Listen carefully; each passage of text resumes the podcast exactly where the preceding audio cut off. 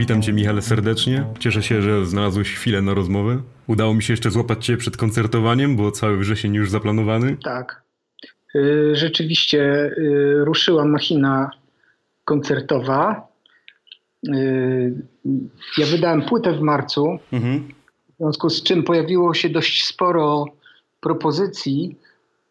Wszystkie, a było ich ponad 10, co, co jak, na, te, co jak na, na mnie jest dużo. Te wszystkie propozycje przepadły, zostały przesunięte na przyszły rok. No ale yy, na skutek poluzowania tych wszystkich obostrzeń znowu się ludzie do mnie podzywali, festiwale, rzeczywiście jest tego sporo. We wrześniu i na początku października tych koncertów się zbierało sporo, można powiedzieć. Po, ponad 7, 8, więc to tak dwa tygodniowo by wychodziło. Okej, okay, czyli dużo planów jest, można już e, działać, realizować się. Jednak e, chciałbym wrócić trochę wspomnieniami. Ty żyjesz jeszcze hejterem? Bo ten film odniósł ogromny sukces. Ja osobiście liczyłem, że to ten film będzie nas reprezentował, ale no cóż, wiadomo jak bywa. Jak, jak to u ciebie wygląda? Skończyłeś pracę i idziesz dalej, nie magazynujesz to wszystko jakoś tak. w sobie? Rozumiem. Nie, nie, nie magazynuję rzeczywiście, ponieważ yy, na szczęście mam dość sporo różnego rodzaju zleceń, różnego rodzaju pracy i takich wyzwań, że tak powiem, artystycznych, to ja muszę tak naprawdę, jestem zmuszony po prostu zapomnieć o poprzednim przedsięwzięciu. Yy, hejterem żyje może, w, to znaczy hejter wraca w ten sposób, że to jest film, który też odnosi sukcesy mhm. i co chwila jest tam jakaś e, wiadomość typu wygrana na festiwalu, e, jakieś e, tam wejście do Netflixa, jakieś dobre recenzje, więc, więc w tym sensie wraca ten film, no ale to są takie chwile po prostu rzeczywiście takich krótkich wspomnień i radości, potem już yy, po prostu się wyłączam. Zacząłem od hejtera, bo jest to wciąż jednak świeża rzecz, a twoja współpraca z Janem Komasą już trochę trwa. Poza salami był też teatr. Coś się zmieniło u was na przestrzeni lat w kontekście współpracy? Właściwie nic się nie zmieniło. Ona tak y, wy, wygląda y, tak, jak zawsze wyglądała. Y, Janek charakteryzuje się tym, że daje bardzo dużo wolności również z, zgłasza się y, z propozycją dużo wcześniej niż w ogóle powstanie film. O hejterze na przykład rozmawialiśmy, nie wiem, z dwa albo półtora roku przed premierą. Y, podobnie było z poprzednimi przedsięwzięciami y, i tak naprawdę muzykę jeszcze w ogóle zanim zobaczę jakiekolwiek zdjęcia, tylko tylko jedyną referencją to, to, są, e, to, są, to jest rozmowa, opis tego wyobrażonego soundtracku oraz jakieś tam fragmenty. E, I, I tak to wyglądało też teraz przy hejterze. To znaczy jest po prostu e, opowieść o filmie, scenariusz, sugestie muzyczne i do tej pory udawało mi się, że tak powiem, trafić w sedno. No po prostu jakoś tak się rozumiemy, no, że, że to, co y, ja proponuję, to dość szybko jest akceptowane. Także tak ta, tak ta współpraca wyglądała na początku, tak też wyglądała i teraz. Potem są oczywiście jakieś poprawki, tuningi, jakieś y, jeszcze dodatkowe kompozycje tam muszę zrobić, ale zasadniczo wszystko się odbywa w ogóle przed zdjęciami tak naprawdę. Mhm. A są jakieś niezrealizowane pomysły, które do dziś siedzą ci w głowie? Zdarzały się takie sytuacje, ale nie, yy, niezbyt często. Konkretnie dwa razy było tak, że yy, zaangażowałem się w pracę i została ta, ta praca, że tak powiem, yy, przez reżysera za, zawieszona i zakończona yy, ze względu na brak yy, jakby porozumienia. Takie były uzasadnienia yy, przy czym to były takie, no, jednego filmu mi w ogóle nie szkoda, to była kreskówka dla sześciolatków. Mhm. Y, natomiast y, drugim filmem był, y, był Żelazny Most. Ten film już miał premierę, jest teraz na Netflixie. Bardzo dobra rzecz Moniki Młodzianowskiej. No niestety nie dogadaliśmy się. A żałujesz, że odmówiłeś czegoś? Ja zasadniczo nie pamiętam, żebym, żebym czegokolwiek odmówił w ogóle. Jeżeli tak się dzieje, mhm. Nie, nie, nie przypominam sobie szczerze mówiąc. E, dostałem kiedyś propozycję zrobienia muzyki do e, takiej etiudy, w którym grał taki znany czarnoskóry aktor Daniel Olejoło się nazywał chyba ale ponieważ treść była taka bardzo kontrowersyjna, dotykała takich rzeczy typu wiara, kościół yy, w sposób taki niezwykle krytyczny, ja się po prostu nie odważyłem, żeby jakby wspomagać to przedsięwzięcie swo swoim zaangażowaniem. Ale dlatego, to... że nie chcesz się udzielać w tych sprawach, czy było to na przykład niezgodne z twoim podejściem do religii? No tak, jedno i drugie, nie? Po, po prostu nie mam przekonania do projektu. Uważam, że y, przekracza pewne granice. Mhm tak, które mogą kogoś osobiście dotknąć. W związku z tym nie angażuję się, po prostu nie chcę się w to angażować i jak gdyby, no, to jest naturalna przecież sprawa. Tak? Oczywiście, Ale... myślę, że jest to świetne, że jesteś na tym etapie, że możesz sobie pozwolić, w jakim projekcie chcesz brać udział, a w jakim nie. Uważam, że rzadko się to u nas zdarza. Akurat y, to, o czym rozmawiamy, to jest sytuacja sprzed dobrych, nie wiem, pięciu, może nawet ośmiu lat. Ja nie miałem wtedy jakiejś takiej stabilnej sytuacji. Zresztą ta sytuacja jest różna, nawet teraz, tak? Był koronawirus i mhm. w każdym razie to nie jest tak, że, że e, sytuacja artysty z, z, definicji nie jest stabilna, tak? Natomiast nie ma to specjalnego znaczenia, no po prostu y, tamta sytuacja przekroczyła tam pewne granice, natomiast zasa zasadniczo to się bardzo rzadko zdarza. Ja, ba ja bardzo lubię brać udział w różnego rodzaju takich y, projektach, które charakteryzują się bardzo różną estetyką, różnym podejściem, różnym stylem. Na przykład y, współpracuję przy, przy, animacjach dla dzieci z dużym powodzeniem, po prostu uwielbiam to robić. Y, klienci są zadowoleni. Y, po prostu no, wydawałoby się, że y, działka daleka od moich y, melancholijnych, poważnych, oficjalnych w cudzysłowie kompozycji, a jednak świetnie się w tym realizuje. Tak, tak. Ten rozstrzał u ciebie jest imponujący. A, a jest jakieś niezbadane pole, o którym jednak myślisz? Nie wiem, na przykład muzyka do gier? To znaczy, chciałbym bardzo zrobić muzykę do gry rzeczywiście. Trochę oczywiście zależy do jakiej. Miałem tam taki epizod z Wiedźminem, pierwszą częścią, y, ale mój udział polegał na napisaniu utworu do takiej płyty CD, która była częścią jakby promocji.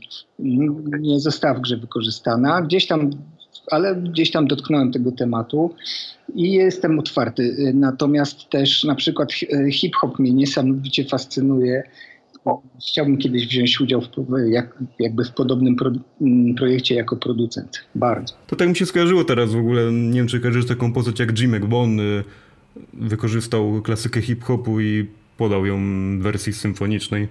W ogóle są dzisiaj jacyś raperzy, których ty śledzisz? Tak, jeżeli chodzi o tego Jimka, to jest mi to znana znany pseudonim, ale nie jestem pewien, czy słyszałem jego produkcję, czy czyjeś, e, czy, czy kogoś innego, ale to było klasyczne połączenie takiego turntablizmu z po prostu brzmieniami symfonicznymi. To, to gdzieś słyszałem i to niejednokrotnie. No jest DJ Spooky, to, to, akurat nie jest Polak, który się specjalizuje w tego typu eksperymentach. Jest jeszcze paru innych, których sobie w tej chwili nie mogę przypomnieć mm, nazwisk. Natomiast y, no, ja nie ukrywam, że lubię taki hip-hop podwórkowy, blokowy po prostu. Ja uważam, że to jest w ogóle najbardziej autentyczna muzyka po prostu, ta związana z blokowiskami. Wydaje mi się, że no, wynika to też z, z mojego takiego pochodzenia, bo ja się wychowałem w blokach. Tak, tak, czyli klasycznie, paktofonika.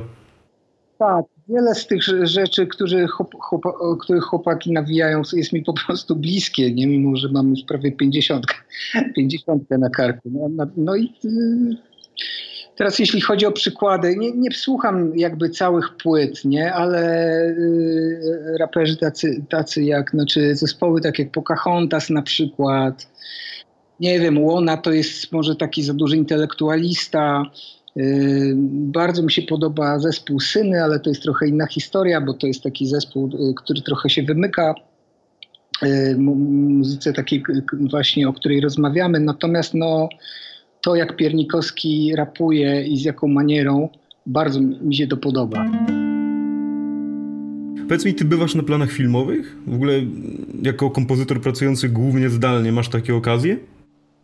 Zastanawiam się, czy, czy kiedykolwiek byłem na planie filmowym. Yy, nie byłem, bo, bo plan yy, filmowy, w odróżnieniu do sceny teatralnej, bo yy, tworząc muzykę do teatru, bywam na próbach, reżyser sobie tego życzy. Wtedy jakby uczestniczymy razem w procesie takiej, takiej kreacji, ale teatr to jest trochę inny język, inna sytuacja. Natomiast plan filmowy to jest poligon po prostu jest, jest zamieszanie i y, nie ma mm, to nic wspólnego z efektem końcowym, który znajduje się na ekranie. Reżyser zresztą też tak pracuje, że, że patrzy po prostu na, na y, scenę daną, którą filmuje przez oko kamery. Nie? Ja nie mam takiej możliwości, ja po prostu nie wiem tak naprawdę, co tam się nie wiedziałbym, co tam się dzieje, jak to będzie wyglądało, jaką będzie miał atmosferę i tak dalej. Tymczasem w teatrze już to widać, y, nie? Bo to się dzieje na scenie, bardzo przypomina mm, to, co, y, mhm. znaczy formę, którą, którą potem ta sztuka będzie miała na etapie finalnym. Więc ja już mogę wtedy myśleć o muzyce, bo te sytuacje są wystarczająco inspirujące. Ja muszę zobaczyć zdjęcia, żeby móc y, zacząć y, myśleć o muzyce. Chciałem dopytać jeszcze o ten proces realizowania muzyki. Jak to w ogóle wygląda od kuchni, tak? Czyli ile masz na to czasu, na poprawki? Taki Cliff Martinez miał wyjątkową sytuację. Wiem, że on miał na przykład na muzykę do drive'a tylko 4 tygodnie. Y, ja już o pracy z Komasą opowiadałem. Po prostu wydaje mi się, że ta praca jest dość nietypowa, kiedy, kiedy pisze się większość muzyki przed y, zobaczeniem y, filmu. A z innymi twórcami? Ale z innymi twórcami jest tak, że już są y, tak zwane pierwsze układki, albo jest nawet skończony film, cały, cały zamknięty montaż. Więc y, zasadniczo to wygląda tak, że się po prostu patrzy na film, słucha się potem uwag reżysera i pisze się propozycje. Y, które potem są weryfikowane. To tak z grubsza rzecz biorąc. Natomiast jeśli chodzi o czas, to, to bardzo, bardzo różnie. Bardzo różnie. Y, bo zdarzało mi się zrobić muzykę do filmu nawet szybciej niż 4 tygodnie, do, pełno, do pełnego metrażu. Natomiast y, bywało tak, że pracowaliśmy nad muzyką, nie wiem, 7-8 miesięcy. Nie? I z czego to wynikało? To wynika z różnych rzeczy. Czasami y, rzeczywiście bardzo długo szukamy właściwej muzyki, ale też na, y, w czasie takiej pracy reżyser się decyduje na zmiany w filmie, na wycięcie scen lub dodanie scen, które wcześniej nie były tam y, obecne. No i wtedy trzeba robić po prostu nowe albo zmieniać stare utwory. Są też różnego rodzaju przerwy techniczne związane z jakimiś tam po prostu problemami. Yy, I, yy, I, bywa tak, że no, nie wiem, ostatni film, który jeszcze się nie ukazał, nazywa się After a Revolution. To jest dokument włosko-angielski, pełnometrażowy. Ten film robiliśmy rok czasu. Tam, z, nie wiem, z miesiąc temu yy, zakończyliśmy współpracę. Natomiast, znaczy, ten film został skończony razem z muzyką i zamknięty, natomiast no, tak długo to trwało. Więc to był film zagraniczny, y, bo ty zapytałeś, jak to wygląda w Polsce. Ja myślę, że tu nie ma specjalnej reguły. Nie? W Polsce i za granicą jest po prostu bardzo różnie. Ty jesteś zadowolony z tego, jak dzisiaj wygląda pozycja kompozytora w Polsce? Uważasz, że jest to sprzyjające na przykład dla tych, którzy chcą zacząć? Mam na myśli wszystko, jakiekolwiek spełnienie możliwości, nawet niepewny temat zarobków. Yy, mnie bardzo ta praca satysfakcjonuje. Bywa różnie, jeżeli chodzi o zarobki, jeżeli chodzi o płatności, czy, czy po prostu wywiązywanie się z umów przez producenta. Bywa różnie po prostu. Bywa tak, że jesteśmy trochę nie tyle zaniedbywani, co nawet po prostu, jak to się mówi, e, no po prostu tak w, w jakiś sposób jest poniżające czasami, że trzeba pół roku czekać na płatność, ale wydaje mi się, że to są sytuacje niekoniecznie związane po prostu z charakterystyczne tylko dla branży filmowej, tylko ogólnie dla biznesu. Tak, tak, bo jak się ogólnie rozwiać jakiekolwiek wątpliwości co do sytuacji ogólnie artystów w kraju, porównać to przy okazji, jak to wyglądało innych, Jak się teraz namiewa sprawa z debiutantami? Ja w tym akurat y, biznesie, że tak powiem, pracuję 20 lat już, można powiedzieć. Y, nie wiem, jak teraz czują się, y, w jakiej sytuacji znajdują się debiutanci. Nie mam pojęcia. A jak ty zaczynałeś? Ja, ja zaczynałem tak naprawdę od współpracy z Komasą, tak na, tak na szerszą skalę. To był reżyser, który odważył się po prostu zaproponować współpracę komuś, kto w branży filmowej nie, ma specjal, nie miał specjalnego doświadczenia wcześniej. Yy, jakby... Skąd on się o tobie w ogóle dowiedział? Z płyty, że tak powiem, to znaczy słuchał moich wydawnictw. Mhm. I że to, co tam y, usłyszał, znakomicie sprawdzi się w jego filmie. Mówimy też o, o, takim okresie sprzed kilkunastu albo więcej lat i ja tak już do końca nie pamiętam, to znaczy jeżeli chodzi o ścisłość, to wcześniej bywały jakieś takie mniejsze produkcje, jakieś etiudy mniej lub bardziej interesujące, znaczy mniej lub bardziej eksperymentujące. Y, jakaś muzyka do słuchowiska, jakaś muzyka do poezji, jakieś e, granie na żywo do, e, nie wiem, do, do przedstawień teatralnych, więc po prostu gdzieś tam to doświadczenie już było. Pamiętam tylko, że po tej współpracy z, z Komasą, ten zresztą ten e, soundtrack został tam nagrodzony na takim festiwalu Dwa Teatry, gdzieś to wtedy na, nabrało rozpędu. No i z tamtej pory ja mam jakby regularny dopływ zleceń i, i zadowolony jestem z, z, ze swojej sytuacji jako praktykującego kompozytora. Nie? No po prostu utrzymuję się z tego i uważam, że to jest sukces. Ale ty odczuwasz coś takiego jak spełnienie? Bo ja cię odbieram jako twórcę ciągle poszukującego. Zawsze masz jakieś następne pomysły. Jeśli chodzi o spełnienie, to można na to, to ja mogę odpowiedzieć i, i tak, i potwierdzić, tak, że jestem, czuję się spełniony jak najbardziej i zarazem mam miliony planów yy, i gdzieś jakieś właśnie poczucie nie, niespełnienia, to znaczy jakby niedokończenia swojego dzieła, takiego mówiąc, no powiedzmy tak metaforycznie, nie? jest po prostu dużo rzeczy, które chciałbym jeszcze zrobić, które słyszę w głowie i w tym sensie to moje artystyczne życie nie uważam za, za jakby zamknięte i jakby cały czas nie, odczuwam niepokój związany z tym, że chciałbym tworzyć dalej, y, zrealizować swoje pomysły, y, nawiązywać różnego rodzaju współprace artystyczne i tak dalej. Spełnienie moje polega na tym, że utrzymuję się po prostu ze sztuki i y, nie wiem, i po prostu widzę, że jestem jakby w środowisku szanowany, co sprawia mi ogromną satysfakcję. W środowisku muzycznym, ale też filmowym, sztuk wizualnych, ludzie mnie rozpoznają i cenią. No po prostu y, jest to super, super przyjemne i tutaj jestem w 100% usatysfakcjonowany i spełniony. Natomiast wydaje mi się, że w ogóle no, przekleństwo artysty polega na tym, że ciągle chce nad czymś nowym pracować, nie? I to się nigdy mhm. nie... Przed kolejnym pytaniem chciałbym sprostować jednak pewną rzecz. Ty nie masz stricte wykształcenia muzycznego, tak? Nie masz żadnych skończonych studiów w tym kierunku? Nie ma. To jak to się odbiło na twoich początkach, tak? Nie wiem, uważasz z perspektywy czasu, że było ci trudniej bez tego wykształcenia? Było i jest mi zarówno trudniej, jak i łatwiej, bo, yy, bo po prostu bardzo przydałaby mi się dobra umiejętność gry na, yy, na klawiszach, na fortepianie na przykład, czy na gitarze, czy na instrumentach dętych. Bardzo by mi się to przydało. Niesamowicie brakuje mi właśnie takich umiejętności, również czytania partytur.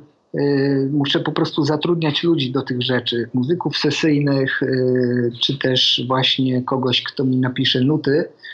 Y, bardzo byłoby dobrze, żebym znał te rzeczy, ale brak tego mm, wykształcenia sobie również cenię, bo to jest po prostu warunek, znaczy warunek, no po prostu myślę, że można osiągnąć i y, pewną taką świeżość po prostu podejścia do tematu w ogóle, y, jakim jest muzyka. Jeżeli się przychodzi jakby z innej strony, z innego środowiska, z innego, z, mm, z innego otoczenia, z innymi umiejętnościami, bo ja skończyłem studia plastyczne, w związku z czym też na przykład dobrze znam historię sztuki i to są zresztą inspiracje wizualne są też bardzo ważne po prostu dla mnie i wydaje mi się, że one bardzo mocno warunkują moją muzykę. Mhm. No i się po prostu sprawiają, że ona jest mniej lub bardziej oryginalna. Y, gdzieś tam się wyróżnia. Właśnie dlatego, że tego wykształcenia muzycznego nie ma, a, a, a w związku z tym podejście do muzyki jest y, być może niestandardowe. No dobrze, a twój charakter na przykład wpływa na to, co tworzysz? Odczuwasz e, te zmiany? Albo odwrotnie, e, czy przez te wszystkie lata dostrzegasz różnice w odbieraniu świata, ludzi? No to jest trudne pytanie, bo ja przede wszystkim nie potrafię się tak do końca obiektywnie ocenić, jaki jest mój charakter, jaki jestem, bo to jest najtrudniej właśnie o sobie tak y, się siebie w taki obiektywny sposób ocenić, jeżeli chodzi właśnie o temat y, psychiki czy, czy sposobienia. A była jakaś sytuacja, że właśnie ktoś odsłuchał twoją muzykę, a potem miał okazję się spotkać z tobą, porozmawiać i nagle takie, wow, nie tego się spodziewałem w jedną albo w drugą stronę.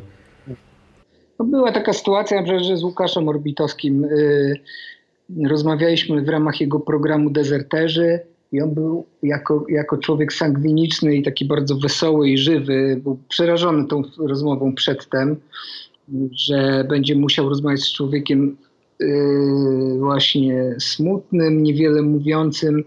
Ja to mówię dlatego, że on potem sam opowiadał yy, mi o tych, yy, o tych sprawach, że on się jednak, yy, że tak powiem, znaczy, jak to się mówi, no, zaskoczył na plus, tak, że był zaskoczony tym, że ze mną można normalnie porozmawiać i że ja konstruuję dosyć, dosyć takie precyzyjne yy, i czasami dowcipne odpowiedzi. Także, I był tym zdziwiony. Tak, był tym zdziwiony, no ale to jest jego problem moim zdaniem. Ja uważam, że takie wcześniej, wcześniejsze jakieś zakładanie pewnych sytuacji jest po prostu niemądre. A ty się pewnie czujesz jako solista, czy może kiedy dochodzi do większej współpracy? Pytam chociażby, nie wiem, na przykładzie projektu Rimbaud. Już mówię, bo to jest dobre pytanie. Dosłownie dzisiaj o tym, o tym sobie myślałem, tam umawiając się na kolejny koncert solowy, że tych solowych koncertów jest coraz więcej. To nie ukrywam, że to trochę ekonomiczne względy warunkują taką sytuację, że ja gram sam, ale wcześniej grałem stosunkowo często w większych składach. Co najmniej z duetem, często w trio, a czasami jeszcze w większym składzie. I myślę, że e, obecność innych muzyków dawała mi jakieś poczucie bezpieczeństwa. Ja dopiero teraz, naprawdę po 20 latach grania, zacząłem się dość, pewniej troszeczkę czuć jako wykonawca grający na żywo. Po prostu długo to trwało. Być może wynikało z jakiejś, e, z jakiejś takiej niewiary w siebie, jako, jako ktoś, kto nie jest wykształconym muzykiem po prostu, nie? Ale y, sytuacja koncertowa była dla mnie mocno stresująca i ci ludzie byli mi potrzebni y, i są cały czas do tego, żeby niejako no, pomagać mi psychicznie, tak, żeby, dzieli, żeby dzieli ode mnie trochę odpowiedzialności za, za sytuację, która, która ma miejsce, czyli po prostu ja sam nas, y, czyli jest, sam ja prezentuję jakąś muzykę na scenie i y, w skupieniu przygląda nam się 100 osób na przykład, tak? No to, to była dla mnie przez długi czas bardzo ciężka sytuacja yy, i dobieranie sobie muzyków, no uważałem za, za, taki, za taką pomoc psychologiczną, ale oczywiście to było też, się przekładało i, to był główny powód na taką jakość artystyczną, to żywe instrumenty to jest bardzo fajna rzecz w czasie grania na żywo, bardzo taka no, atrakcyjna dla słuchacza i i tak dalej. Natomiast uważam, że w tej chwili takie moje koncerty solowe przy pewnej tam wprawie i umiejętnym przygotowaniu setupu koncertowego, że są, że są już w porządku, że, y, że po prostu to jest wystarczająco dobrej jakości i wystarczająco ciekawe dla widza, że, że ja, y, że, żeby, że nie muszę już po prostu nikogo zapraszać, żeby taki koncert uczynić bardziej wartościowym. Mhm. No tak, teraz będą głównie te koncerty solowe, ale czy masz jakąś wizję na przykład na przyszły rok, czy marzysz w ogóle, żeby z kimś współpracować? Więc tak, zapytałeś o współpracę. bardzo współpracować z innymi muzykami na zasadzie realizowania wspólnego projektu, tak? Nie, nie na zasadzie tak jak rozmawialiśmy na, na zasadzie po prostu, że oni grają moją muzykę, wykonują, tylko po prostu z innymi muzykami jako równorzędni partnerzy. I pierwszy taki z brzegu przykład, no to to jest wielkimi krokami zbliżająca się współpraca z y, Kasią Podporą i Maxem Kochytem. To są artyści, którzy są związani z wytwórnią Bocian, tak zwana scena awangardowa. Y, no, oni się zajmują taką szeroko pojętą elektroakustyką. Y, I szef wytwórni Bocian, Grzesiek Tyszkiewicz, zaproponował nam taką znaczy wzajemną współpracę, tak, żebyśmy, no połączył nas niejako. Także to jest y, taka najbliższa kooperacja, która, którą będzie można już y, we wrześniu usłyszeć w, w klubie Pardon to tu w Warszawie. Będziemy grali pierwszy koncert, a współpraca najprawdopodobniej skończy się wydawnictwem muzycznym. Także to jest taki pierwszy z brzegu przykład. Y, I takich pomysłów to ja mam jeszcze sporo, ale no, nie wiem, mógłbym tutaj znowu wspomnieć o takim przedsięwzięciu Niewidzialne Miasta, które właściwie już za, za półtora tygodnia się odbędzie. To jest z kolei współpraca z Mariuszem Jeką i Jackiem Prościńskim. To są muzycy z Gdańska, ramach, z którymi będziemy pracowali w ramach takiej imprezy w stoczni, gdzie będą tancerze, więc to jest taka kolejna po prostu y, y, ko kolaboracja. Nie wiem, chciałbym wrócić znowu do, do pracy z Tomkiem Budzyńskim. Marzy mi się zrobienie na przykład y, muzyki w ram, po prostu z, z członkami grupy Armia. No po prostu jest tego sporo. Wspominam o hip-hopie na przykład. Gdyby znalazł się dobry MC, który chciałby ze mną grać, no to od razu rzuciłbym wszystko i... Obserwujesz lokalną muzykę? Śledzisz, co się dzieje w Gdańsku? Yy, przeglądając Facebooka, tak siłą rzeczy widzę, co się dzieje. Yy, uważam, że ta nasza scena trójmiejska, czy nawet Gdańska, czy nawet Wrzeszczańska, Wrzesz to jest dzielnica mhm, tak, w Gdańsku, to jest bardzo taka znacząca grupa muzyków, która, która zrobiła sukces y, po prostu polski, ale też zagraniczny. Myślę tu na przykład o zespole Trupa Trupa. Mhm. Więc, więc znam chłopaków, wiem co robią yy, właściwie na bieżąco, bo ze Stefanem Wesołowskim i Piotrkiem Kalińskim z Hativati spotykamy się regularnie z Mikołajem Trzaską również. No to tak naprawdę y, wiem, co się dzieje, mhm. ale też nie uczestniczę w tym, w tym specjalnie. Nie? No, po prostu każdy z nas, y, że tak powiem, dłubie swoje i działamy równolegle, nie do końca wiedząc, kto co ma aktualnie w planach. To czego nie lubisz, a może nawet wręcz nienawidzisz u dzisiejszych muzyków? Jest coś takiego, co ci przeszkadza u nich?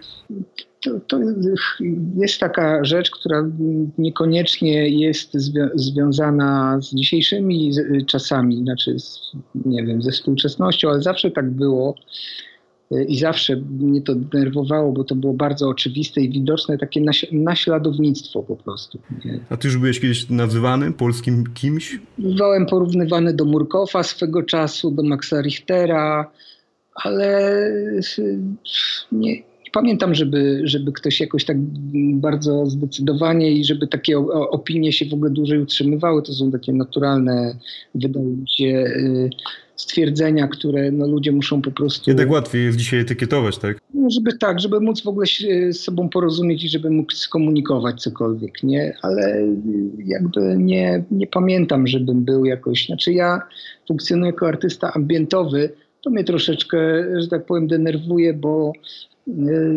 zaczynając swoją twórczość, ja w ogóle nie wiedziałem, co to jest ambient, nie? Dopiero po, jak powstała płyta Treny, to usłyszałem właśnie, że to jest ambient, e ewentualnie tak zwany modern classical. To trochę się na to łączy z tym jednak, że dzisiaj ludziom trudniej jest znaleźć swój styl. Mm, nie wiem, jak ty uważasz, czy ty w ogóle czujesz, że jesteś na dobrej drodze do tego? Wiesz, to jest tak, że nie jestem chyba do końca właściwą osobą, żeby to obiektywnie ocenić, bo to po prostu y, inni powinni się na ten temat wypowiedzieć. Jeżeli jestem gdzieś rozpoznawalny, y, to znaczy, że gdzieś tam jednak ten styl jest taki osobny po prostu i oryginalny. Y, mi się wydaje, że ja mam swój własny język, aczkolwiek chciałbym go uczynić jeszcze bardziej charakterystycznym i unikalnym. O tak bym ci odpowiedział. A jakaś muzyka z ostatnich filmów, nie wiem, na przykład Oscarowych, zrobiła na tobie wrażenie? Bo ty byś mi pasował jako kompozytor do Jokera. No tak, to, to przy, nieprzypadkowe jest porównanie. Ja z Hildur Gudanoty to się nawet znam osobiście, bo myśmy, bo myśmy zaczynali mniej więcej w tym samym czasie. Y, spotykaliśmy się na, y, na, festi na festiwalach różnych, gdzieś tam zamieniliśmy dwa słowa, graliśmy wspólnie na przykład w tym klubie Oto, Oto, Cafe Oto w, w, Londynie, bo oboje mieliśmy premierę płyty w tym samym czasie w wytwórni Touch.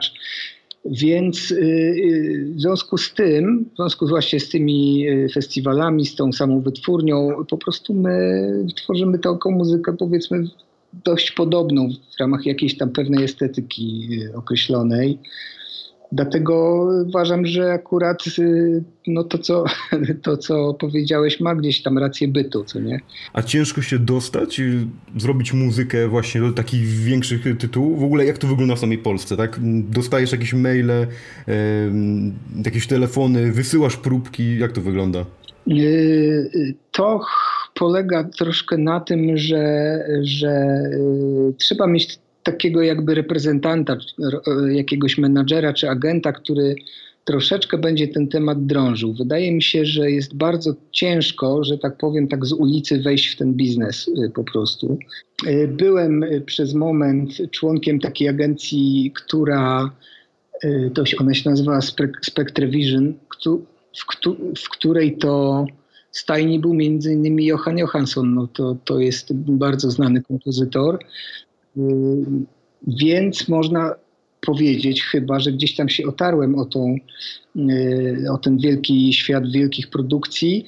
Y, no ale poprzez to, że udało mi się znaleźć y, agencji po prostu takiej e, bookingowej, czy, czy jak to powiedziałem, w agencji, którą, która, że tak powiem, zarządzała grupą kompozytorów. Ten facet, mnie, który tą agencję prowadził, mnie po prostu znalazł. Też usłyszał gdzieś płyty lub zobaczył koncert.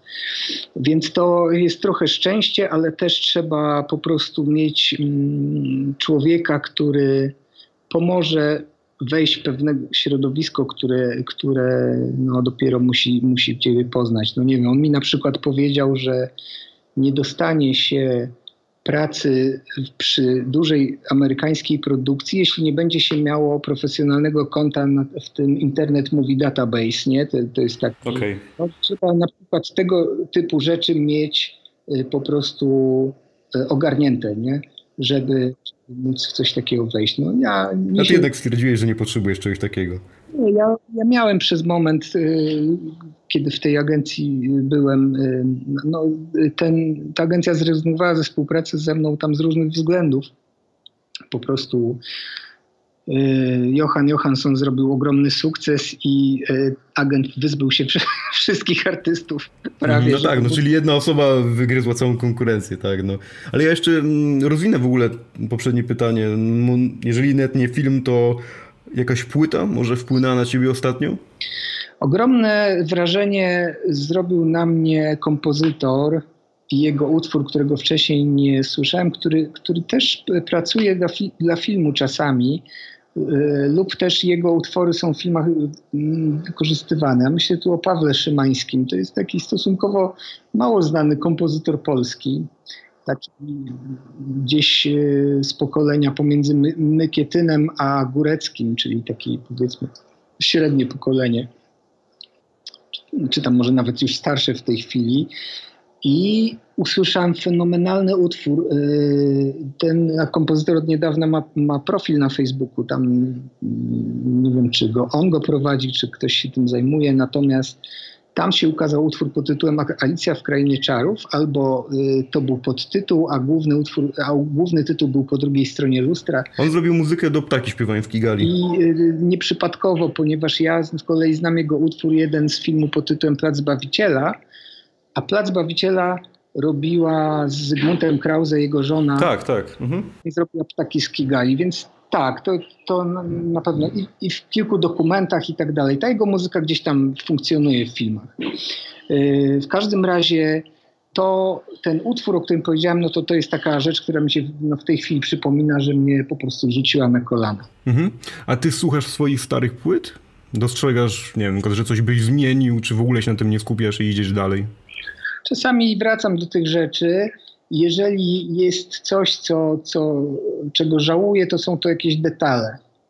Y, czasem, y, że jakiś utwór mógł, y, który został wcześniej jakby przeze mnie odrzucony, mógł się tam jednak znaleźć w zestawie piosenek, utworów z albumu.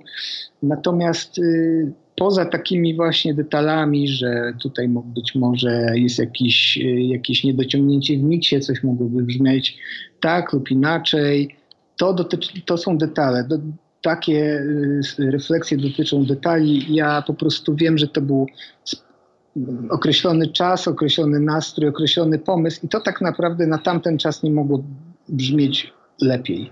To jak jest z kontrolą tego, co tworzysz? To znaczy, biorąc pod uwagę twoją pozycję, mm, ale na ile możesz sobie pozwolić? To znaczy w przypadku płyty, co wejdzie finalnie, a co nie i podobnie też w przypadku koncertów. Y, czy ty musisz chodzić na jakieś kompromisy?